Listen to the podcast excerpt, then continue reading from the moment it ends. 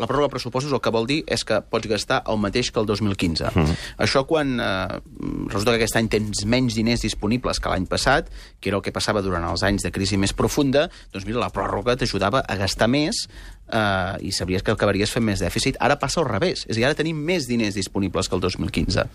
I, per tant, eh, renunciar a aquest increment, perquè només podem gastar el mateix del 2015... Montoro està content perquè tot doncs, això va eh, aixugar el dèficit, no?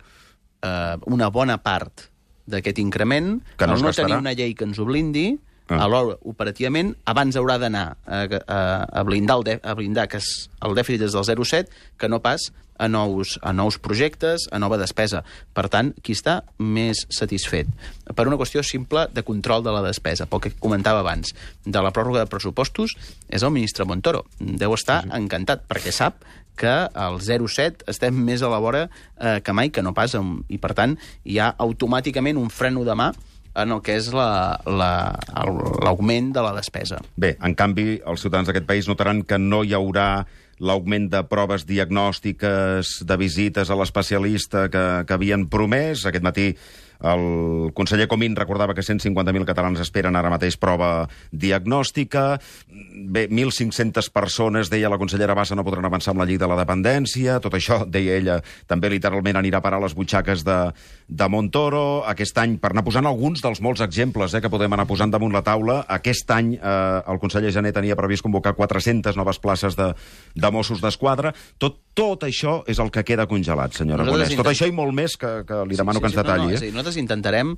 recuperar tot el que puguem. Però- Però, és evident que si la llei de pressupostos no existeix No. i anem amb els pressupostos del 2015, no podem fer una nova oferta d'ocupació pública. Ens hem de quedar amb la del 2015. I aquí el que deia el conseller Gené dels Mossos o dels bombers.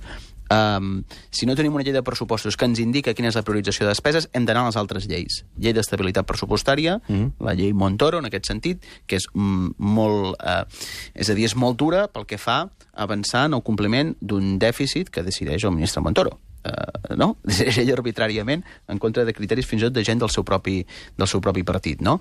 Uh, el que és curiós és que per part de la CUP se'ns demanava un pla de xoc el 28 de setembre, el dia després de les eleccions, pla de xoc és necessari, i el pla de xoc s'haurà retardat un any i quatre mesos, per tant deixa de ser de xoc. Potser no era tan important per ells mm. el pla de xoc, no? És a dir, tot el pla de xoc eh, s'haurà de prorrogar la seva posada en marxa.